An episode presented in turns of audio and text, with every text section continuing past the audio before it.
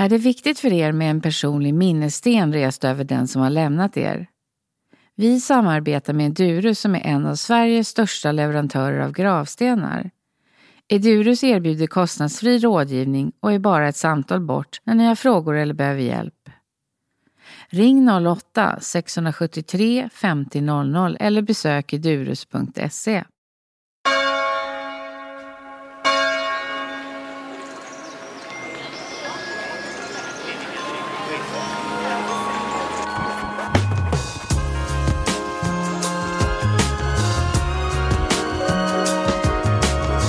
Vet du hur du vill ha din begravning? Har du bestämt vad det ska bli för musik, vad ni ska vara och vad det blir för mat? Det är det här vi pratar om i podden Min död, min begravning.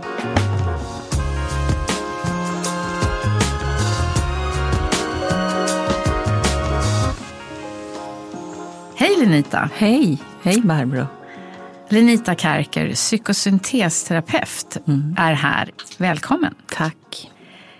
Hur kom du i kontakt med döden eller din upplevelse av döden första gången? Alltså den har alltid funnits med mig på något sätt. Ehm, men det absolut eh, starkaste och det som blev en, en, en vändpunkt det var när min pappa gick bort 2017 och jag fick sitta med honom när han tog sitt sista andetag. Det, det gjorde någonting med mig. Vad gjorde det? Vad hände? men det var som att eh, allting blev förstärkt i den där stunden. Alla sinnen förstärktes. Eh, det var förtätat. Och det här som vi ofta dagligdags pratar om. Att, att vara närvarande fick ju verkligen liksom en, en, en, enorm betydelse. Att jag förstod vad närvaro handlade om. För jag, jag kommer ihåg det där. Alltså det, det är fortfarande färskt i mig fast det är så många år sedan. Mm. Och jag tror att det har med den där eh, närvaron att göra. Tycker du att den fortsätter också? Att den finns kvar, närvaron så att säga? Eller tappar du in i den? Jag tycker den finns kvar. Mm. Jag tycker den finns kvar. Jag, jag, jag, jag, jag tänker på döden på ett sätt varje dag. Det kan låta helt absurt. Men det finns ju med att vi har ju ingen aning om när det, när det är slut. Och att bli mer medveten om vilka steg jag tar och vilka människor jag möter och vad det har för betydelse. Sånt tycker jag är spännande att fundera över. Mm.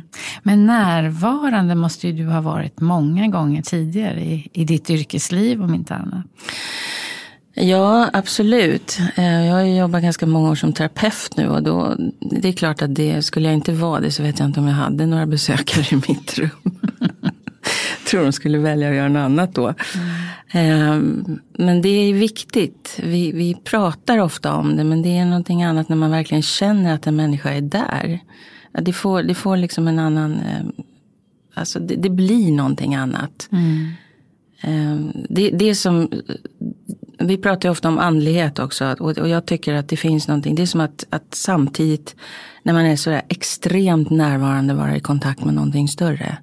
Att det är någonting bortom mig som, som händer i den stunden. Mm. Eh, ser du att dina klienter måste vara närvarande eller i kontakt med andlighet för att komma vidare? Är det liksom du säger att ni pratar mycket om det eller är det beroende på vem det är? Jag tror att det är beroende på ja. vem det är. Det är ja. inget självändamål att jobba med det. Alltså, ofta frågar jag människor som jag möter om de har någon tro i någon form. Och det behöver inte vara en kristen tro eller en, en religion. Men de flesta säger, nej men jag har ingenting sådär. Men, ja men någonting kanske tror jag på. Och då, då kommer vi in på det. Mm. För det är ju liksom olika för varje individ. Och viktigt att man får känna att man har sin egen tro. Att det inte är en, en fast form. Mm. Skulle du säga att det är många som kommer till dig för att de har tankar kring döden eller begravning? Sådana saker. Eller är det kan det komma upp ur andra saker? Det kan absolut komma upp ur andra saker. Mm. Ehm, det kan vara ett speciellt ämne man kommer för. Man, man vill liksom, eh, som man har eh, uppe, som man tycker det är viktigt och man vill processa i någon form. Och så, men jag, jag tror alltid på något sätt att jag hamnar kring de existentiella frågorna i mitt rum. Och det är väl också för att jag är intresserad av det. Mm. Det är någonting som berör mig jättestarkt idag. Mm. Mer idag nu när jag är äldre än, än för tio år sedan kanske. Det har funnits med men det har utvecklats med åren. Mm. Det här med din pappa, om vi går tillbaka till det. Var det, var det lätt för dig att hjälpa honom genom begravning och sånt? Alltså så här var det med min pappa, att han ville inte ha någon begravning. Nej. Och eh, det var flera år eh, innan han gick bort som jag skrev det här vita arkivet tillsammans med honom. Och det var inte någon lätt historia kan jag säga. Men eh, för det var så känslomässigt laddat för mig att göra det då. Hade du föredragit om han hade gjort det själv? Ja, men både och kanske. Det fanns någonting bra i det också, att få sitta där med de här känslorna. Ehm, men det är klart att vissa saker, han hade delvis skrivit lite själv också. Mm. Men den började där för han var sjuk ganska länge. Mm. Men han ville inte ha någon begravning. Nej. Så det var ju lite speciellt att, mm. Att, att han ville ha en direkt kremering. Liksom. Det var hans önskemål. Så mm, många runt omkring blev väldigt eh, förvånade över att det inte fanns den typen av minnesstund att gå till. Det fanns ingenting att gå till och samlas kring? Nej, vi närmast sörjande ordnade det. Så vi träffades och så. Mm. Men eh, många bekanta var nog rätt så snopna tror jag. Mm. Men han var rätt krass. Så han tyckte så här, ja men eh, om de inte, om de inte finns i mitt liv nu, varför ska de komma sen?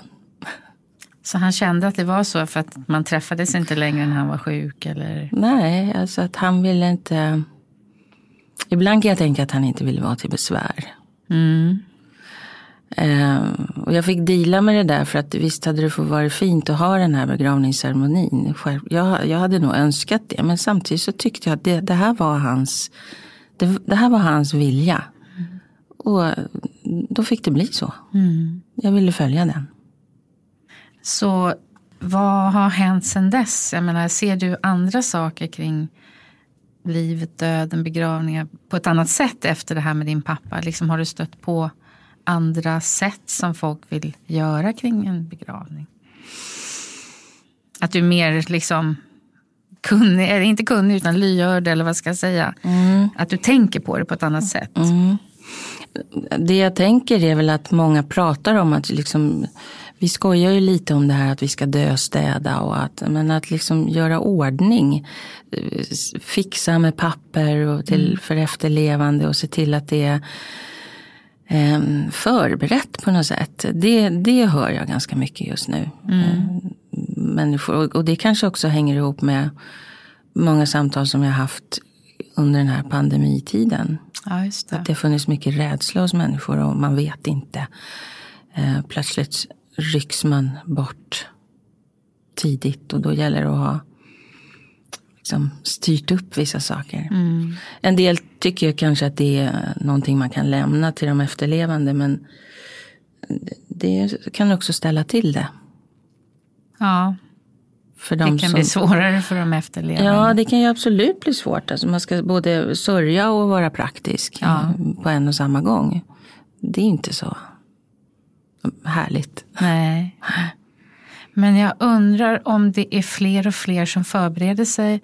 Eller om man kommer i kontakt, för man själv har en viss ålder, att man kommer i kontakt med andra. Att det liksom har att göra lite om med vad man är i livet själv. Ja, men det tror jag. Det är klart att inte jag liksom tyckte att det här var det härligaste ämnet när jag var 30. Nej. Utan det har ju absolut utvecklats med åren. Mm. Så. Men också med, en, liksom att, med den andliga dimensionen i mitt liv. Att jag, att jag tycker att det finns någonting större som stödjer och hjälper mig i livet. Så det känns också som någonting att luta sig mot mitt i det här att jag vet att en dag tar det slut. Mm. Alla har ju inte den tron men jag, jag har det. Mm. Men hur, berätta hur det hjälper dig. Kan du slappna av i det? Så att ja, säga? Alltså, det, för mig handlar det om att jag ber om, om, hjälp. Och vem jag ber till och hur det ser ut, det, det vet ju inte jag såklart.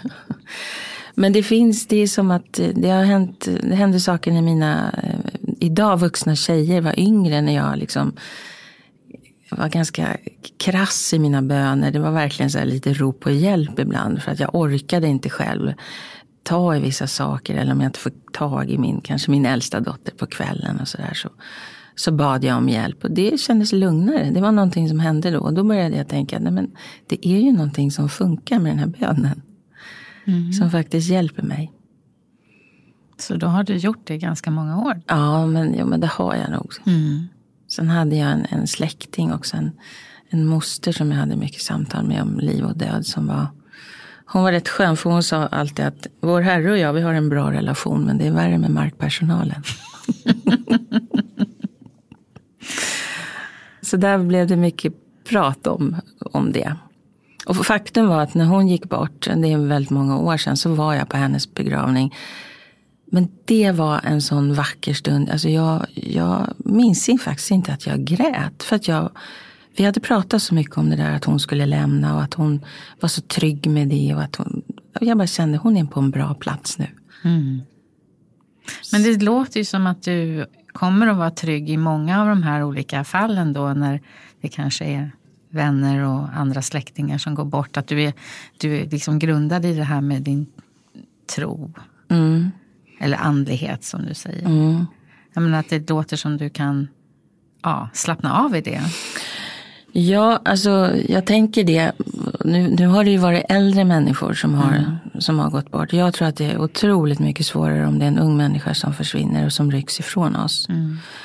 Um, det är ju lätt att sitta här och, och, och, känna sig trygg nu med, med de här kanske äldre som man tänker att ja, men, jag, menar alla, jag vill inte värdera något liv så men det, jag tror att det skulle vara lite svårare med ett barn eller mm att jag, jag, tror att jag skulle prövas på ett annat sätt. Eh, alltså grundtron i mig den finns ju där men jag tror att jag skulle prövas.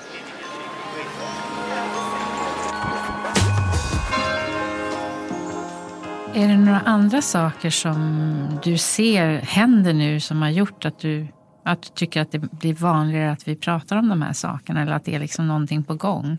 Förutom att du såg när jag skulle starta den här podden. Ja, men det var ju så. Alltså det var ju uppfriskande tyckte jag.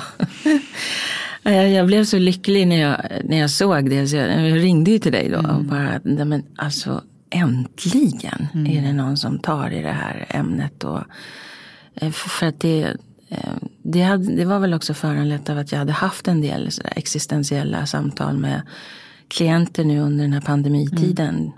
Digitalt som var rätt förvirrade kring eh, var de hade hamnat i livet. Både sådär yrkesmässigt och i sig själva. Mm. Och började ifrågasätta allt vad meningen var. Och ska man jobba här? Ska, vad ska jag vara i den här relationen? Vad ska jag vara? Vad är, vad, är, vad är det med det här livet? Och det var pandemin som gjorde att de hamnade där vid de frågeställningarna. Mm, Varför tror... tror du att det var just vad var det i pandemin som gjorde det? Jag, jag, tror att vi blev lite instängda. Mm. Eller vi blev ju inte lite instängda, vi blev ju det eftersom mm. eh, vi fick, jag tror att många människor fick möta sig själv på ett sätt som inte bara var bekvämt. Ja. En del tyckte att det var skönt att få egen tid och få liksom eh, utrymme för sig själv på ett nytt sätt. Och andra hade, har haft otroligt svårt med det. Mm. Och det beror ju helt och hållet på vem vi är som individ. Ja. Så det har varit lite olika typer av samtal kring, kring just det. Och att hitta ett lugn i sig själv, att allt är bra precis nu. Tror du många kunde nå det under pandemin eller tror du det är någonting som man jobbar vidare med? Jag tror att många kom i kontakt efter ett visst antal samtal vet jag med några klienter att det blev lugnare. Mm. Det blev en större inre trygghet. Um, och jag tror inte att vi kan backa bandet utan det vi har gått igenom det fortgår i någon form inom oss. För jag, ja, det, här, det är väldigt svårt för dig säkert att svara på det här men jag funderar på jag gissar ju att pandemin har påverkat alla människor mm. existentiellt. Sen hur mycket man märker det på vissa eller inte. Alltså det, till olika grad. Mm. Eller tror du att det finns några människor som inte har märkt, det har inte hänt någonting. Jag tycker det är lite intressant att vända på det. Eh, Hur menar du med inte hänt någonting? Ja, att, de, att det, de, det är bara, nu är, jag, nu är det tillbaka, nu kan jag åka till Thailand igen eller jag kan göra vad jag vill. Ja men så tror jag att det är. men det måste ju ha hänt någonting litet. Ja, någonting litet, men vi kan ju också förtränga det. Vi, vi, ofta vill vi gå tillbaka till det som har varit, till det normala. Inom situationstecken sitter jag här med nu. Men vad det nu är, och jag tänker att vi hittar ett nytt normalläge utifrån det nya som faktiskt infinner sig i våra liv. Många ser ju livet på ett helt annat sätt, är mer observant på både sig själv och andra. Och en del kastar sig ut och det är som att det inte, och då är det kanske som att nej men ingenting har hänt, jag vill bara nu är det bara fest igen. Liksom.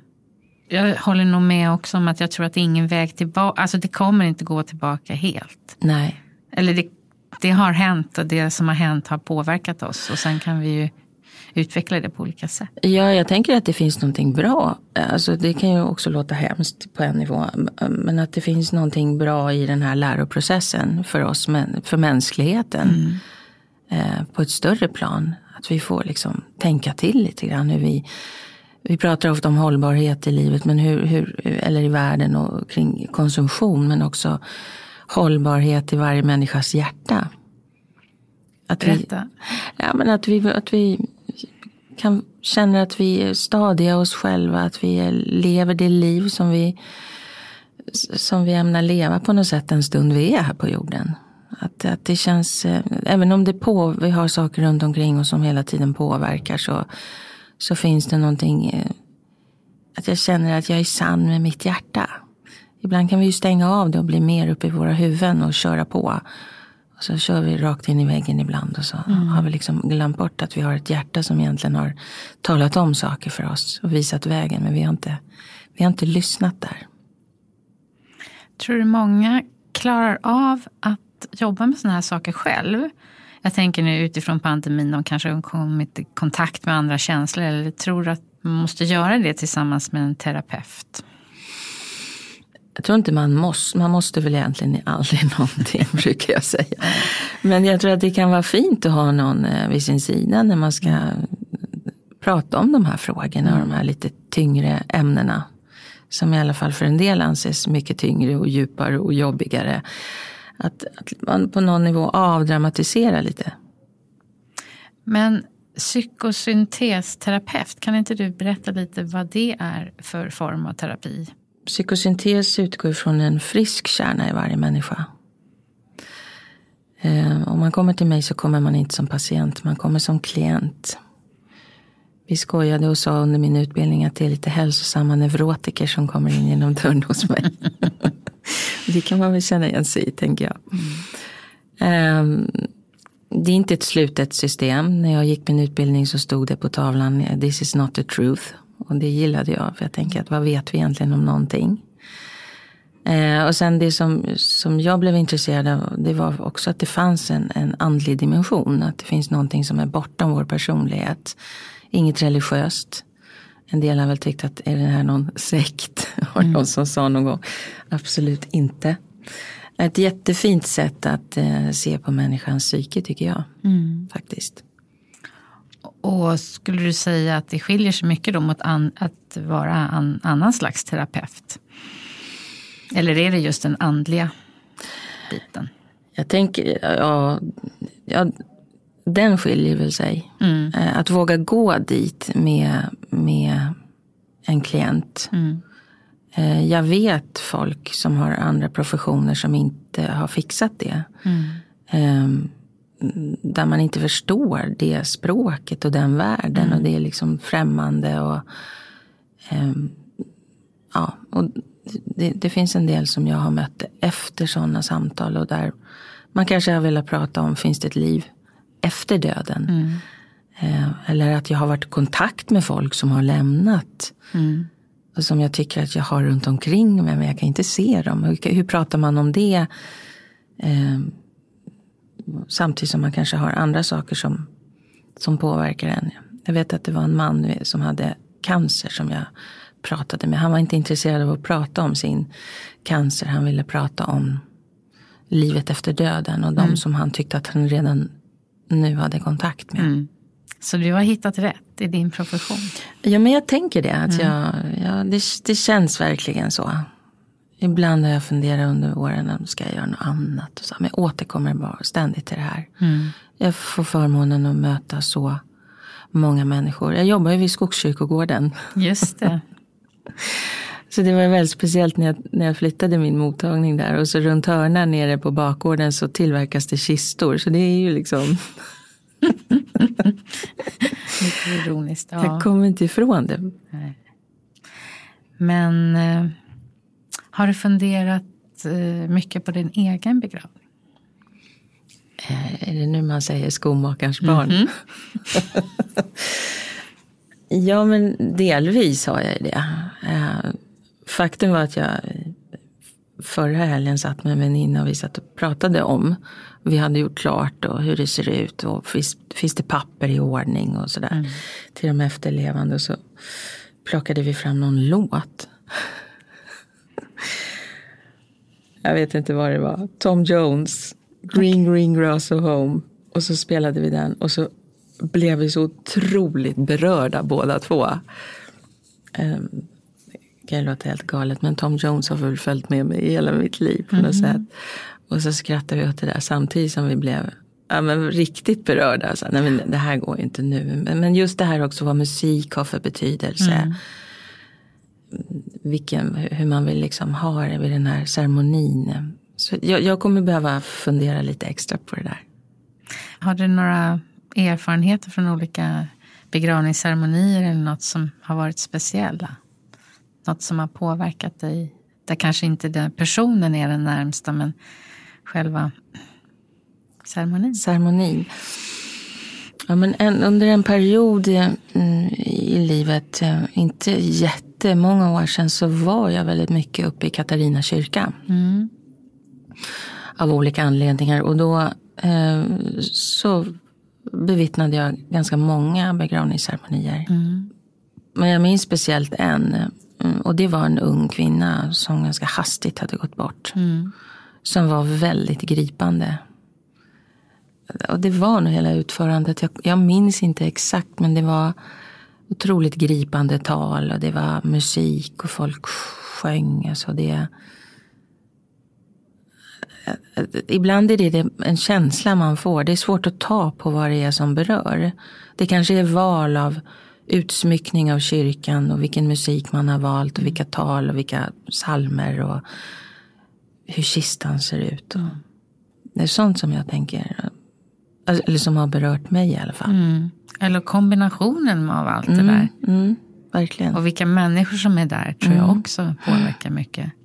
Att man egentligen har den där stunden eller timmen eller vad det nu är. Där allting påverkar. Bara- Eller allting kommer ihop till en. Jag, jag, jag kommer att tänka på det nu. Du hade något samtal med någon som jag lyssnade på. Där man, just det här att man som anhörig går först. Mm. Och, och jag vet inte, jag tror att ni pratade om att man... Alltså jag kände så här, nej men jag vill gå sist. Jag vill ha den där stunden själv. Ja, det var jag som tycker att det är lite speciellt att vi i hela alla som är på begravningen sitter och tittar på familjen när de tar avsked. Och alla andra också. Och det blir inte så privat. Nej. De kanske inte tänker på oss. Men om de gör det så stör det ju dem i det här själva sista liksom avskedet. Mm. Så jag, ja, jag, jag ifrågasätter det lite. Nej, men jag har också tänkt på det när jag har gått eh, runt. Att, att man är först eh, nästan blivit lite nervös. För att jag Ja. vet att jag ska gå runt och, och ha den här publiken som Ja. sitter där. Det hade varit otroligt mycket skönare att få göra det där lite mer privat. En del gör ju så att de gör det kanske innan eller efter ceremonin, familjen. Men för det mesta ser det ut så som vi pratar om. Och det, det var väl det som eh, kom fram i det avsnittet var ju att man kan välja. Men jag tror många människor inte vet eller att man kan välja så pass mycket. Eller man ska orka då välja och fråga. Och, göra om eller göra annorlunda. Precis, nej men, nej men verkligen. För att det är ju en, en stund som man aldrig har upplevt tidigare. Alltså att när någon går bort, när någon dör, en begravning. Alltså den är så... Allting är så nytt. Jag tänkte på det när, vi, när min pappa hade gått bort. Så mm. åkte vi faktiskt med hans urna till eh, Skogskyrkogården. Mm. Där han eh, ja, är i minneslunden nu. Och det, var, alltså det var plast på den här urnan. Och jag bara kände så här, men gud jag vet inte, får jag, kan jag ta bort den här plasten nu? Eller vad, mm. vad får man göra? Och det hade jag önskat att de sa. Mm. Det här får ni, så här och så här får ni göra. Mm. Så att det blir bra. För att det var ju så märkligt. Hela den grejen. Men det kändes också fint. Att vi, vi hade honom emellan oss när vi åkte från Örebro där han bodde till Skogskyrkogården. Ja. I bil. I bil. Mm. Inte på tåget. Nej. Nej. Men det är mycket man inte känner till. ja, det är mycket man inte känner till. Och det är så, det kan vara frågor som man tycker det här är en konstig fråga, det här vet jag inte om jag vill ställa. Mm. Och så finns det ju egentligen inga konstiga frågor. Nej. Besöker du minneslunden? Mm. Eftersom jag har min mottagning precis mm. bredvid så brukar jag gå upp och sätta mig där. Mm. det är ju fint tycker jag. Det, det var hans val också att inte ha en gravplats. Mm. Och um, det har inte på något sätt stört mig. Så vi hade våra, han är med på årsdagar och så med sitt fotografi och ljus hemma. Och det, vi hade ett ljus för honom hela första året. Mm. När han, eh, efter han hade dött så kändes det som han, men det känns som han är närvarande. Och jag, jag kan ibland också säga sådär att jag tycker faktiskt att jag har en bättre relation med min pappa idag än när han levde. Det får du nog utveckla. ja, alltså hur utvecklar man det? Det är en känsla att han finns fortfarande kvar i någon form. Om jag, om jag tycker att jag, jag kan prata med honom och så hittar jag på ett svar. Eller så gör jag inte det, för det kommer ganska direkt. Och då tänker jag att men det där är, det där, så där skulle han kunna svara det är så svårt ogreppbart. Eh, men, men jag vet att det finns några, i alla fall några med mig som tycker att, att han är, eh, eller att de anhöriga är med på ett, på ett helt annat sätt. Även fast de inte finns i fysisk form. Mm. Och då undrar jag hur mycket du måste jobba också, eller vara öppen. Eller van. Eller orädd. Ja, men jag är ju nyfiken på den här världen så jag mm. är ganska orädd. Uh, om jag bestämmer mig för att det finns ingenting, det finns inget liv. Eller bestämmer för jag tror inte det. Nej, då är det ju så. Men jag tror att det finns någonting annat. Jag tror inte bara att det är den här världen vi går runt i som existerar. Mm. Jag tror att vi uh, Ja, det finns så mycket mer. Det låter så uh, självklart för dig. Ja, alltså det är väl det också som gör att jag ibland tycker att jag har stöd från, så här, från någon kraft, någon energi omkring mig som jag inte kan förklara. Liksom. Mm.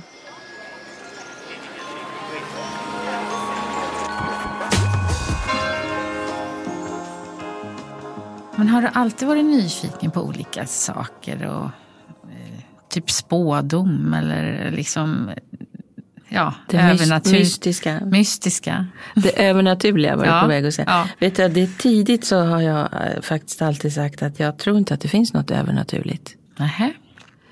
Um, på 90-talet när jag började gå i terapi så, så pratade jag med den terapeuten om det. Att jag tror att allt är naturligt. Mm. Fast det är lite främmande. Eftersom vi inte kan ta på det. Mm. Som vi också har omkring oss och så. Men jag tror inte att det är övernaturligt. Jag tror att det är naturligt. Precis som allt annat.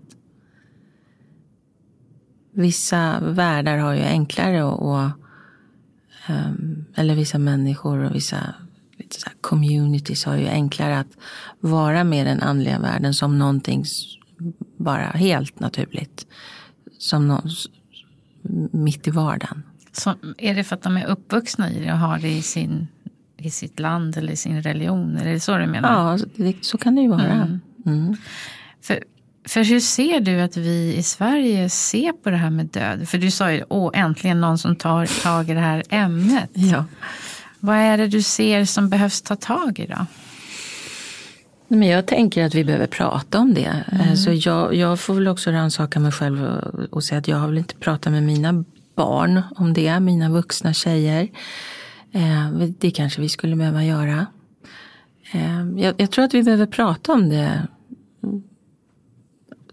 som vilket samtalsämne som helst. Mm.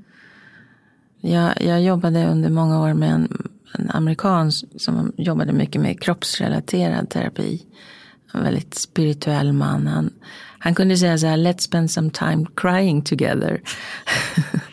att vi är så, lika väl som någonting annat så skulle mm. vi kunna, det, det, att inte ladda saker. Att nu har vi trevligt, nu, nu ska vi känna så här. Utan att allt är välkommet. Mm.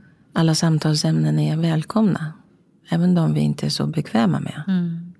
Men vad skulle vi lösa om vi pratade mer om döden, livet, begravningen? Alltså vad, vad är det som, som skulle kunna bli så mycket bättre? Jag tror vi skulle kunna undvika en del konflikter. Ja.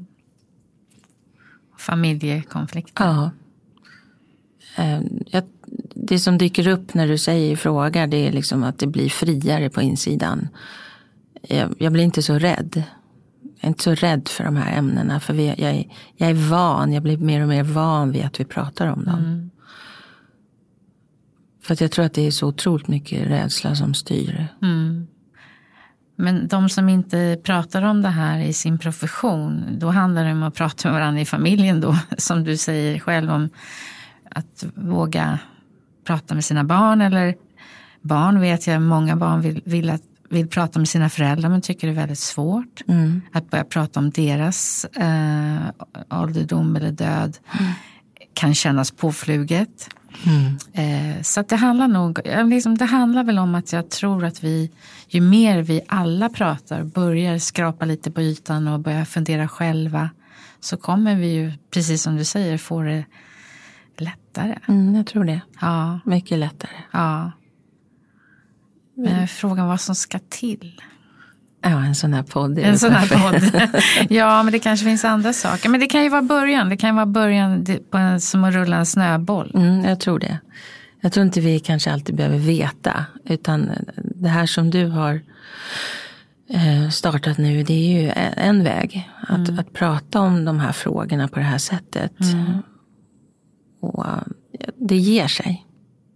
Det låter bra. Jag tror det. Det kommer att visa sig. Ja, jag, jag tycker att det är en ynnest för mig att få höra alla de här olika gästerna prata om det från väldigt olika synvinklar. Och mm. eh, det finns så mycket ja.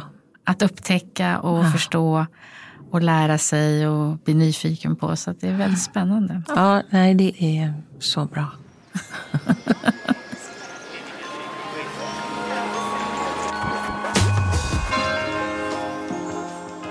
Intressant det här med andlighet och pra- det praktiska. Jag menar, du mm. pratar ju lite om det, att, uh, hur, hur ska man få ihop det? Då? Eller kan det ena inte leva utan det andra? Vad skulle du säga?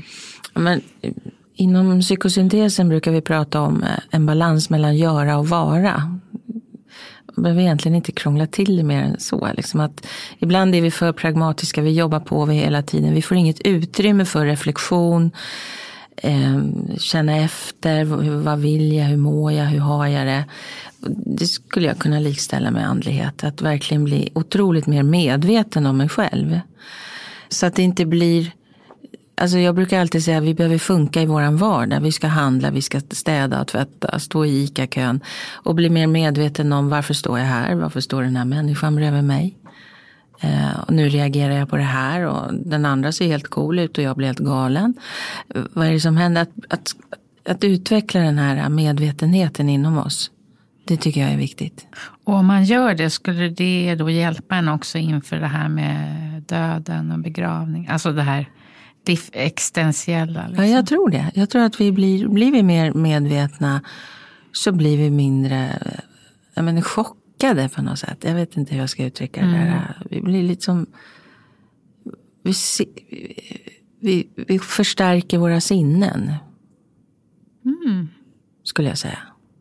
Och ger det plats också då? Ja. Ger det tid och Ja, att plats? känna, att liksom uppleva saker på ett djupare plan. Och, och andlighet är någonting, det är, det är inget som, det är svårt att förklara vad det är för någonting. Men det, det kan ju vara en, liksom en peak-upplevelse i naturen. När jag känner att wow, vad hände här? Jag är i kontakt med någonting som jag inte, det blir en hisnande upplevelse. Eller i ett möte som är sådär förtätat. Som man bara, wow. Det tycker, Just- för mig är det andlighet. När du säger förtätat, vad betyder det? Ja, men det är en extrem närvaro. Det är ibland som att, men vänta, går det inte lite änglar i rummet här nu? Alltså det, jag vet inte om du har upplevt det, att det, det känns som att det finns bara en sån otrolig närvaro i stunden. Jo, när det blir tyst, man är i stor grupp och så blir alla tysta samtidigt. Då brukar vi säga att det går en ängel genom rummet. Och det är en behaglig tystnad. För det finns också tystnad som kan kännas lite creepy. Det är, oh, liksom, ja, måste säga någonting nu eller liksom, ta ansvar för andra människor. Men, men här, det, det, det är en vilsam tystnad. Det är en vilsam närvaro. Det är som att vi vilar i någonting större i den stunden. Kan du råda en hur man ska jobba med de här sakerna? Då? Det kan ju alltid vara bra att ha ett litet stöd på resan. Men annars är det att dra ner på takten eller liksom... Ja, och jag tror att det, det kan vi ju alltid säga att det är bra att göra. Men, och, och precis där tror jag att vi behöver stöd. I, om vi vet att vi hjulet snurrar för fort. Och någonstans kommer jag inte ur det. Förrän det är lite för sent, jag kanske har bränt ut mig. Eller är lite, åtminstone lite vidbränd i kanten. Så jag, jag känner att jag behöver ha någon att liksom gå igenom hur, ser- hur ser livet ut. De olika delarna i mitt liv. Och, att vi får ihop det till en helhet. Men har vi, tycker du att vi här i Sverige har en tradition av att titta inåt eller vad ska man säga? Jag menar, vi är ju ganska praktiska. Vi är ganska resultatinriktade tycker jag. Var kommer det ifrån jämfört med andra? Och religionen i sig har ju också backat ganska mycket. Många säger att de inte är religiösa men de säger att de tror på något. Det, det, det är lite paradoxalt för det går både väldigt fort allting i samhället och i världen och samtidigt så, så är vi liksom en själ i den här kroppen och vi ska utvecklas och eh, hänga med. Och, ja, ja, vi är mycket långsammare än den, till exempel den tekniska utvecklingen. Vi hänger ju inte med. Ehm, och jag tror att vi bara behöver se att vi är mera långsamma varelser, att vi behöver tid. Och så ska vi hinna träna och så ska vi resa och så ska vi Ja. titta på Netflix. Och, Vi ska titta på Netflix, vi ska vara en bra... och alla poddar ska vi lyssna på. Ja, ja men precis. Det är mycket som ska hinnas med på väldigt kort tid. Och det kanske är också, eller det är också en sak att prioritera. Vad vill jag använda min tid till? Mm. Så att det känns meningsfullt. Och ibland kan det vara meningsfullt att lyssna på en podd som man tycker ger någonting. Alltså, att, wow, det där slog an, det resonerar i mig. Att inte bara scrolla i det här flödet bara för att. Utan vad är det som verkligen är viktigt i mitt liv? Hur vill jag, hur vill jag ha den här återstoden av den livstiden jag har? Att reflektera över det. Och ibland tror jag att vi behöver någon att hålla i handen då. Ta en guide på den här färden. För dig själv, är du rädd eller är du helt avslappnad inför allt som är kvar i livet? Ja, jag är helt avslappnad. Nej, men det, det finns ju alltid saker som man funderar över. Liksom, att det viktigaste för mig är att hålla mig frisk. Att mina nära och kära får vara friska. Det är många sådana funderingar. Och om man nu inte är det, vad är det för mening med det? Liksom, varför drar jag på mig saker, sjukdomar och annat ibland? Vad, vad står det för? Ibland vet vi att vi är skörare när immunförsvaret går ner och vi drar på oss infektioner och sådär. Och det kan ju handla om en, en livs, hur vi lever våra liv i den stunden. Om det är väldigt stressigt så vet vi att det påverkar. Men hälsan är väl kanske, alltså det är viktigast för mig just nu. Också nu när jag börjar bli äldre. Jag vill leva länge, jag vill finnas för mina för min familj, för mina barn, för mina barnbarn. Så länge det är möjligt. Och du vet hur du ska göra? Hur då tänkte du? Nej, men jag menar det känns ändå som du har ju den där um, styrkan kanske då, en hjälpen om du har den här andligheten. Det är ju inte så lätt för alla att tappa in i den. Jag är inte så rädd för att vara själv. Mm. Det tror jag är en, en viktig del. För mig har det alltid varit en viktig del. För det ger mig tid för reflektion. Mm. Jag tycker om att hänga med mig själv. Eh, ja, vi skojar, vi pratar inom psykosyntesen om delpersonligheter. Så jag känner att jag är i alla fall aldrig ensam. Jag har ju några till med mig. Liksom. Mm. Att vi också ikläder oss roller i olika sammanhang. Att vi också har liksom att ju mer vi har tittat på oss själva och jobbat lite med oss själva så blir vi eh, så stärker vi någon slags djup del inom oss och sen kan vi gå i och ur lite olika roller beroende mm. på var vi befinner oss. Mm. Men jag, jag trivs. Jag trivs att vara också själv faktiskt. Mm. Jag känner mig väldigt sällan ensam så. Mm. Alltså det är vi ju på något vis. Vi Mm. föds ensamma och vi dör ensamma. Mm. Tack Lenita. Hälsa Tom Jones. det ska jag göra. Tack för att jag fick komma. Tack. Följ oss på Instagram, min dod min begravning podcast. Om du undrar någonting eller vill veta mer så hör av dig på info at mindodminbegravning.se.